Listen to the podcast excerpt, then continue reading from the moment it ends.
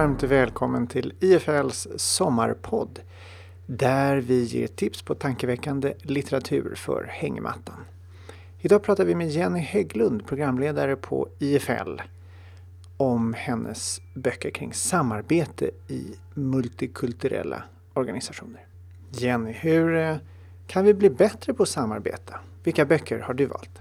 Jag har tagit med mig tre böcker idag och eh, den första boken som jag skulle vilja slå ett slag för, det är egentligen en, en klassiker. Det är inte på något sätt en ny bok, men jag gillar den så mycket och jag tycker om att jobba med den tillsammans med mina grupper. Och den heter The Five Dysfunctions of a Team, eh, som är skriven av Patrick Lencioni. Det här är en, en bok där alla ledare och chefer kommer att kunna känna igen sig. Vad är det de känner igen sig med? Man kommer att kunna känna igen sig därför att den målar upp ett antal olika eh, scenarior, eh, dagar på en arbetsplats, hur en CEO tar sig fram för att få mesta möjliga eh, utväxling av sitt team.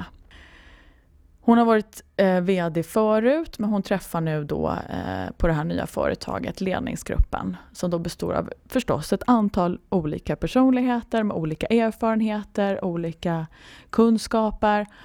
Och de fungerar väldigt väl var och en för sig. Men de fungerar riktigt, riktigt dåligt som team. Det vill säga de utnyttjar inte hela sin potential sammantaget som team. Så det handlar inte om män och kvinnor utan en grupp som sådan? Ja, det är män och kvinnor förstås, men som grupp betraktat och med alla de kompetenser. Men tillsammans så gör de inte riktigt så bra som de, som de skulle kunna göra. Och hela boken den, den är skriven på ett väldigt roligt sätt så att det, det är enkelt att följa med, eh, den går lätt att läsa men just som, som utgångspunkt för en diskussion tillsammans, till exempel hemma med sitt eget team så är det ett bra sätt att ha en bra ingång i en sån diskussion. För att fundera kring hur ska vi göra när vi ska prestera som bäst och vilka personligheter har vi? Vilka kompetenser har vi? Men vad är det som ligger i vägen för att vi blir riktigt, riktigt framgångsrika?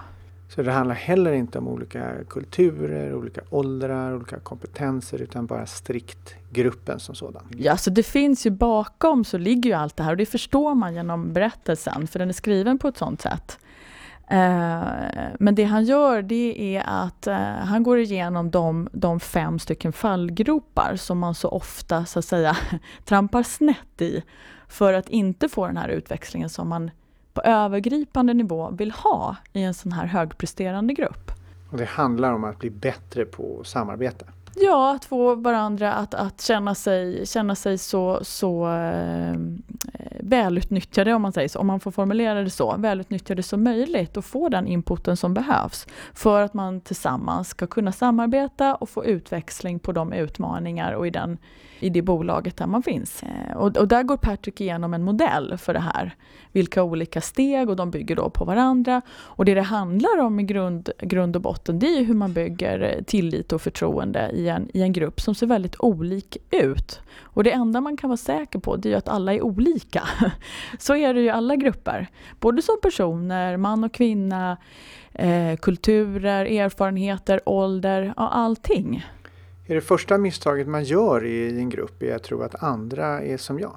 Det är ju utgångspunkten. Oavsett var man, var man kommer ifrån och vem man är så, så, är det, så är det utgångspunkten att man tror att alla är ungefär som jag. Eh, och, och, det är i grund och botten ett, ett eh, tankefel. Det man kan säga är att alla är olika mig. Och det är det jag måste ha för ögonen när jag, när jag tänker på ett team, när jag tänker på, eh, på vad det är vi ska göra tillsammans, hur komplext problemet är och på det sättet få mesta möjliga eh, utväxling. Men det är, ing, det är ingenting nytt, det är inte det jag vill säga. Det jag vill säga är att om man använder till exempel de idéer och den modell som presenteras i den här boken så får man ett, tycker jag, ett väldigt bra eh, grundläggande koncept för att på ett odramatiskt och ett, ett sätt som inte är så hotfullt börja prata om hur har vi den här gruppen? Hur har vi det med öppenhet och tillit? Hur har vi det med att på ett ärligt och öppet sätt dela med oss utav var och en vad vi själva tycker och tänker, hur vi känner inför olika frågor som kan vara ganska svåra frågor förstås i en, i en grupp som ska leda ett bolag. Eh, hur tar vi oss förbi det? Hur bygger vi det här på ett bra sätt som gör att vi blir så välfungerande som möjligt? Så jag har haft många exempel. Jag brukar ta den här som utgångspunkt när jag själv jobbar med grupper. Så att de får läsa den innan vi träffas. Och sen så har vi det som någon slags bas att stå på. Både en, en, en välformulerad historia där man känner igen sig man känner igen de olika personligheterna, man kan känna igen andra personligheter i sina, sin egen grupp förstås. Och man kan också få ett tips och, och goda eh, eh, goda rekommendationer på hur man kan gå vidare. Men man får också se prov på ett, på ett väldigt bra, modigt och eftertänksamt ledarskap. För den här personen, den här VDn som beskrivs i den här boken, man får följa hennes tankegångar och också hennes känslor. Så att på det sättet så är det en väldigt bra bok för underlag. Så jag, jag kan varmt rekommendera den här eh, som en utgångspunkt. Om vi återgår till den här frågan om att vi tror att andra är som vi inledningsvis. Hur gör du när du arbetar i grupper för att lyfta den här frågan? Alltså, det är ju naturligt så att var vi kommer ifrån och där vi finns ifrån början, där vi är uppfostrade, den historia och den, den tradition som, som finns. Till exempel om vi utgår ifrån det svenska och det skandinaviska där vi finns, är, är det naturliga, det är normen. Jag utgår ifrån det därför att det är så, det sitter i ryggraden på mig. Helt enkelt. Eh, och det är ofta som vi använder det som ett filter för att försöka förstå andra och det är i grunden ett tankefel. Som man också kan se i till exempel internationella grupper eller team där, där, där eh, det finns många olika nationaliteter, eh, många olika religioner, många, en, en helt olika historia inblandat. Eh, och då kommer vi faktiskt in på, på, nästa, på nästa bok som jag skulle vilja slå ett slag för som, som sommarläsning. Eh, vänta lite innan vi går vidare. Om det är så att jag befinner mig i en maktsituation så blir min norm mer värd än andras normer och då behöver jag inte vara nyfiken på andras utan makten bestämmer. Vad säger du om det?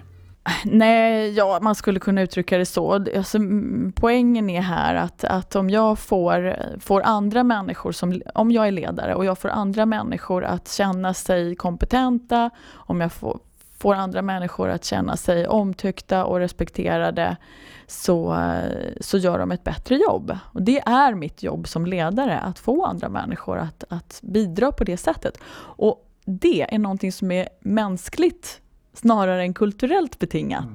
Så att det, det går liksom bortom det. Oavsett eh, var man kommer ifrån eller vilket samhälle man är född in i eller vilken historia det än är, så är det en, eh, någonting som är grundläggande djupt mänskligt. Och det är det man kan tala till så att säga som chef och ledare och som medmänniska eh, för att få människor att jobba bättre tillsammans. Genom att uppskatta folks olikheter? Ja, alltså att ge dem tid att, att eh, berätta sin historia och var de kommer ifrån. Jag menar inte, det jag menar här är att, att eh, helt enkelt lyssna. Att vara en bra lyssnande chef är ju att få och öppna upp för de perspektiv som finns i en grupp, det vill säga olikheterna. Och att då vara lite mer personlig och lite mer öppen kring, kring känslor, eh, var man kommer ifrån, vilka värderingar man står för, kan ju ge fantastiska resultat om man ger plats för det. Och det är det jag menar är så att säga, grundbulten i den första boken, The Five Dysfunctions of a Team. eh, att, att ge plats för detta och att det då eh, ja, kan bli väldigt framgångsrikt. Du lyssnar på IFLs sommarpodd som ger tips om tänkvärd litteratur för hängmattan. Vi lyssnar på Jenny Hägglund prata om att leda mångkulturella grupper. Brukar du få samma resultat när du jobbar med det här eller brukar det bero på vem som är i gruppen? Självklart. Det, det, jag brukar säga att det finns tre nivåer. Eh, att det, först är det den djupt mänskliga nivån. Alltså vi, vi, vi, behöver alla känna att vi, eh, vi är eh, sedda och hörda och omtyckta och känna oss kompetenta nog att hantera våra liv.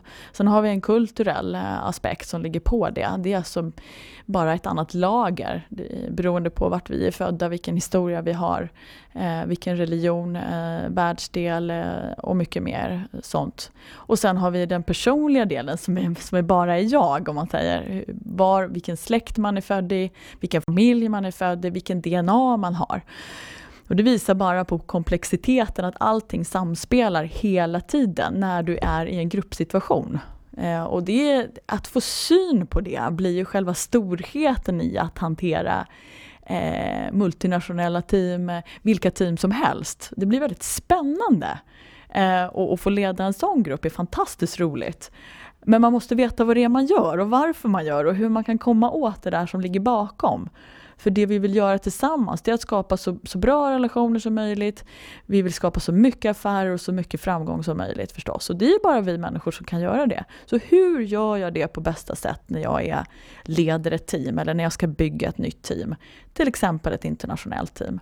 Istället för att använda det som en ursäkt för att det inte funkar. Och det är det jag tycker är spännande när jag jobbar. Att eh, att få jobba med, med alla de här tre nivåerna och självklart då för att komma tillbaka till din fråga. När du säger nivåer så tänker du på den kulturella, professionella och privata nivån? Nej, den mänskliga, den kulturella och den individuella nivån. Alla tre, alla tre samspelar. Men det är klart att i en grupp så, så finns det olika personligheter. Men de, det är ju så det är. Och om man accepterar det och låter dem få vara där och samspela på, i en trygg och säker miljö som du kan skapa som chef och ledare så är det ju enormt mycket vunnet. Då börjar det hända något? Då börjar det hända grejer, absolut. Kan du bara ge ett exempel på någonting som inte funkar när vi pratar om the five dysfunctions of a team? Ja, men det finns en väldig rädsla i gruppen till att börja med, med att faktiskt berätta eh, vad man, vad, na, vad man tycker och tänker i vissa frågor. Det är någon som sitter tyst och håller på, på sitt. En som är sur och, och, och grinig och inte vill gå med på någonting. Eh, någon som bara tar väldigt mycket plats och pratar hela tiden och breder ut sig. Och någon som raljerar och, och skojar med allt och alla runt omkring. Man bara, man bara, på den korta beskrivningen så finns alla de här personligheterna oftast representerade och många, många till. Men här kan man få en känsla för hur, vad det är som kan ligga i vägen. För det det handlar om till syvende och sist är att de här personerna inte riktigt vågar eh, vara sig själva.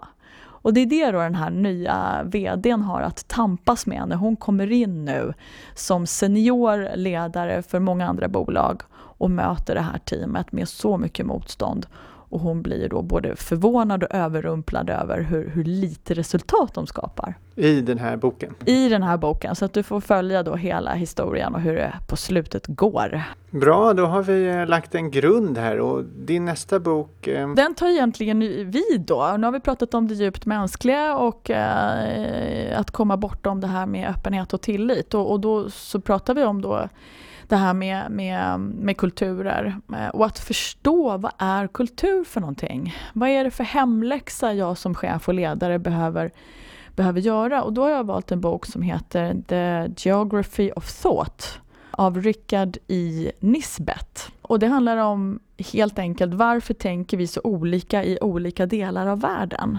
Och de delar de tänker på framförallt är? Framförallt så är det västerländsk och eh, asiatiska kulturer. Då, då. Varför tänker asiater och västerlänningar så olika? Jättespännande! Och han är ju forskare i grunden, eh, psykolog och eh, bygger hela sin bok egentligen på olika, forsk olika forskning förstås och också på olika experiment som har gjorts runt om i världen. Och för att komma bakom det här, hur kommer det sig att vi upplever, om vi nu tar västerländsk eh, kultur och skandinavisk kultur eller till och med svensk kultur som någon slags utgångspunkt, eftersom det är normen, för vi är födda här. Hur kommer det sig att vi tycker att de andra är så svåra att vara med? Hur kommer det sig att vi inte förstår? Ja, varför är de inte som oss? Det kan man ju skoja om och raljera om. Och det är ofta det eh, som man möter i arbetslivet. Man, man, man pratar ganska, eh, om jag inte formulerar det som illa om, men man, man pratar lite nedsättande om de andra. De är svåra och så kommer det någonting, någon mening om varför. Den här boken går in på varför det ligger till som det gör. Alltså, och då menar jag ännu lite mer bortom det här mest praktiska. Det vill säga hur lämnar jag över ett visitkort på ett korrekt sätt när jag besöker Japan eller Kina? Det är inte det det handlar om, utan det handlar om att förstå socioekonomiska eh, strömningar, det handlar om att förstå historia, det handlar om att förstå ekologi, det handlar om att förstå eh, skolsystem, eh, utbildning och så vidare. Allt det där bakomliggande som får konsekvenser för hur vi betraktar tid och rum och det är ju saker som går, går väldigt långt tillbaka i tiden. Som i sin tur påverkar i själva mötet? Absolut, som pågår, som pågår hela tiden i mötet med andra människor. Och speciellt i dagens eh, samhälle och, och, och eh, dagens näringsliv där vi jobbar så otroligt mycket över gränserna. Där Globen, så att säga, Moder Jord är spelplatsen för allt detta. Och vi har inte råd att, att inte förstå, tänker jag. För det, det jag förstår när jag läser den här boken som jag tycker är jätteintressant, det är också att det blir ett litet wake-up call. Om inte vi begriper oss på det här ganska så snart och lär oss att samarbeta så kan det vara ett hot potentiellt hot mot, mot eh, vissa kulturer, eh, hela civilisationer. Och det blir, det, blir lite, det blir väldigt tankeväckande. Jag skulle vilja rekommendera den här boken för alla chefer och ledare. Och absolut som ett måste för de som, som lever och verkar och vill göra, göra bra affärer. Du nämner att det finns en rad faktorer som påverkar samhällsuppbyggnaden. Finns det någon faktor som sticker ut som man kunde lyfta fram lite särskilt? Nej, därför att det är, det är ett hopkok. Men, men någonting som är, som är viktigt som jag vill lyfta fram och som jag tror ingen blir förvånad över, det är ju att förstå historia. Det här, de här tankegångarna, filosofin bakom och så vidare, det går ju tillbaka till de gamla grekerna. Alltså så långt bak behöver man egentligen förstå Eh, och, och, läsa sig till och, och, sätta ihop de här pusselbitarna för att egentligen begripa varför det ser ut som det gör. Och i Asien, alltså Kinas historia, Japans historia, Ryssland och så vidare. Och så vidare. Och också på vilket sätt man har interagerat över historien. Under århundraden, hela tiden. Det är inte så konstigt att det blir knepigt. Så gör man sin hemläxa när man jobbar i internationella team och överhuvudtaget när man ska skapa goda, långa relationer, för det är det vi vill göra, de ska vara hållbara över tid, så måste du förstå och vill också bli förstådd. Så det, det ligger inte bara på, på en person förstås. Det låter som ett budskap är att inte ha för bråttom. Ja, man måste göra hemläxan. Nej, bråttom är inte bra. bråttom är, är inte eh, nyckeln här eh, när man bygger. Det tror jag inte. Eh, men det är, väldigt, det är väldigt roligt att läsa den här också, för man kan, jag kan bli fascinerad. Hur kommer det sig till exempel att eh, västerländska barn har lättare att lära sig substantiv än östasiatiska barn? De lär sig fortare verb och tvärtom. Och hur kommer det sig att östasiater har svårare att urskilja ett enskilt objekt i en miljö än till exempel en, en västerlänning har. De plock, kan plocka urskilja så att säga, enskilda objekt i en målning eller en, en bild eller någonting än vad asiater har. Och vice versa så har västerländska barn svårare att se sammanhang då, eller? Ja, ungefär så. Det är frågor man kan bli väldigt upptagen med. Men det jag menar är att, att eh, det här ger en, eh, ett djup till vad vi till vardags tycker ligger i vägen. Jag ser det här som en massa möjligheter. Och det ger en, en fantastisk rikedom när man också ser eh, på de personer och de relationer som du vill bygga. Både inom ditt team, inom ett bolag men också med dina kunder. Vad mycket vi skulle kunna göra om man lägger lite tid på det. Så att eh, jag tycker den är otroligt spännande.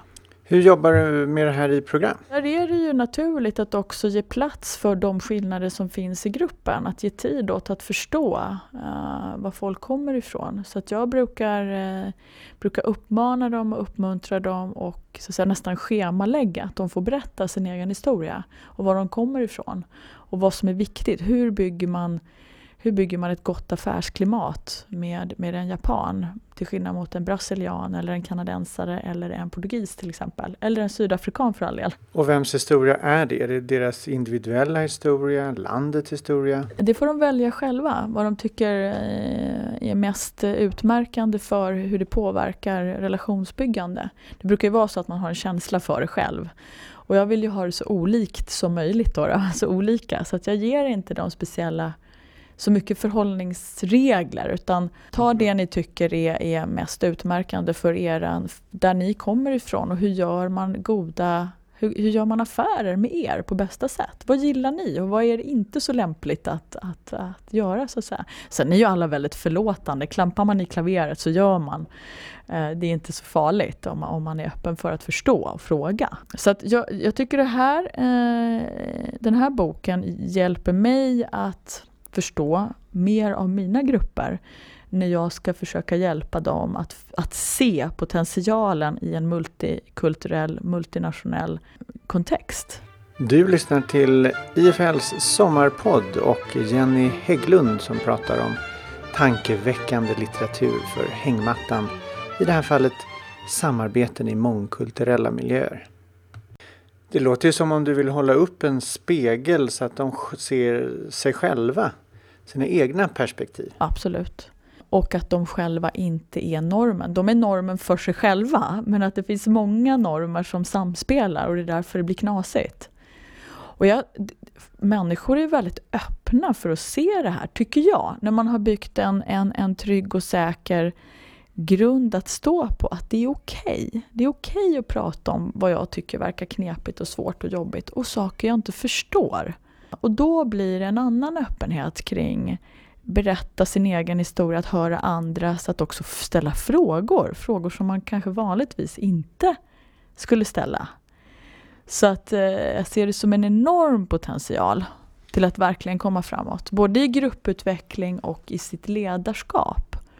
För det är det jag tycker att det här handlar om, båda de här böckerna.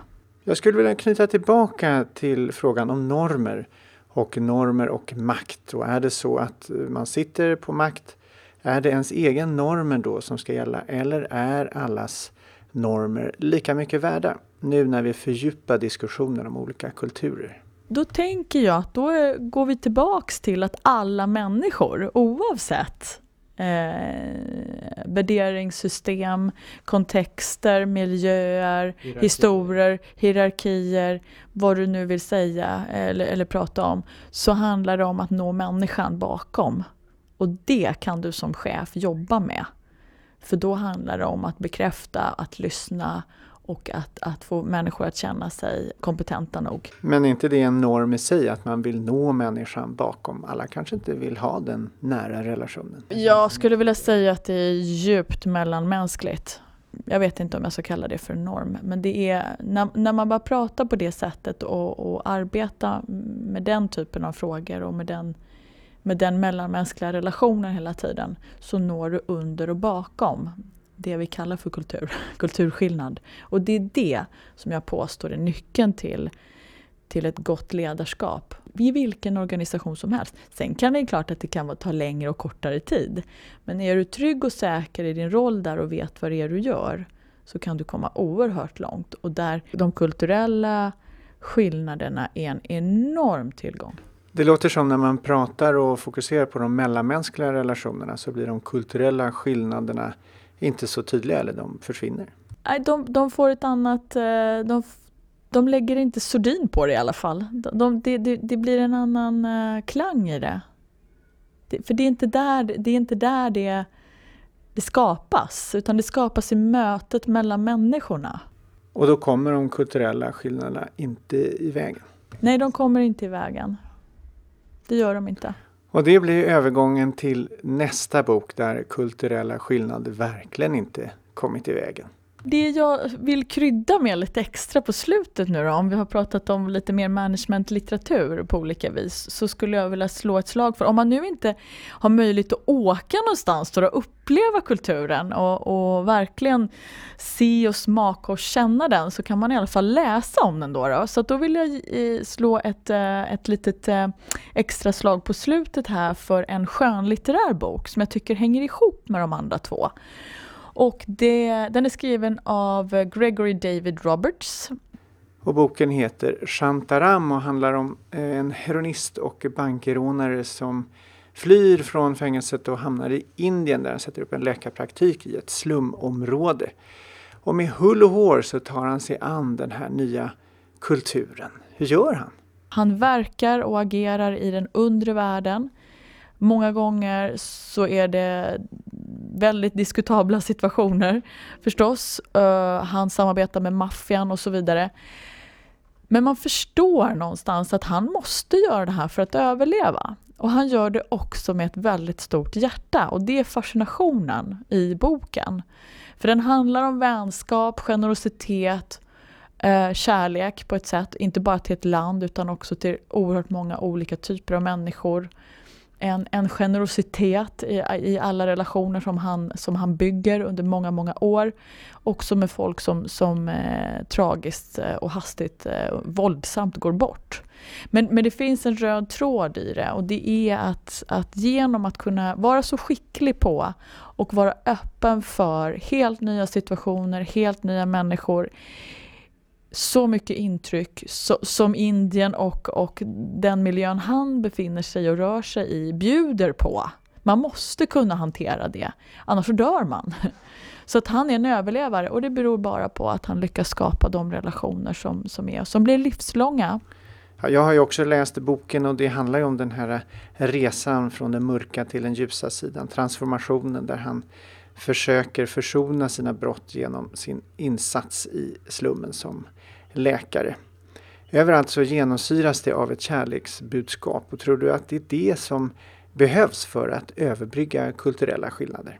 Jag tycker att det handlar om budskapet att kunna se andra människor för vad de är.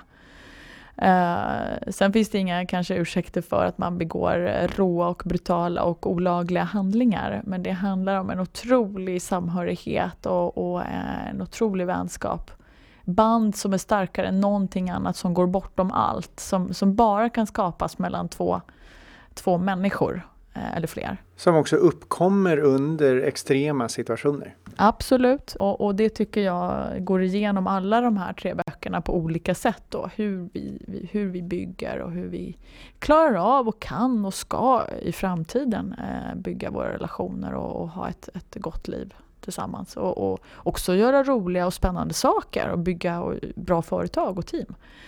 Så jag tycker att det är, det är olika sätt att han, hantera och se på, på det här. Men det, det finns ett budskap i alla de här tre böckerna som jag tycker är eh, spännande, utmanande och någonting som varje ledare och varje eh, gruppmedlem borde och ska ta sig an, tycker jag.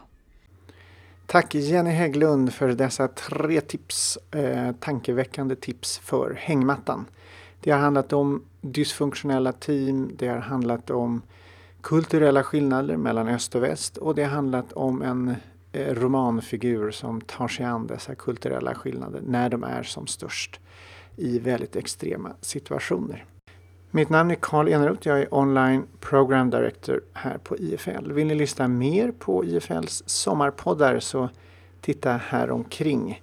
Och med det så vill jag önska er en fantastisk eh, dag och eh, passa på att tacka Jenny för att hon kom hit. Tack själv, vad kul att vara med.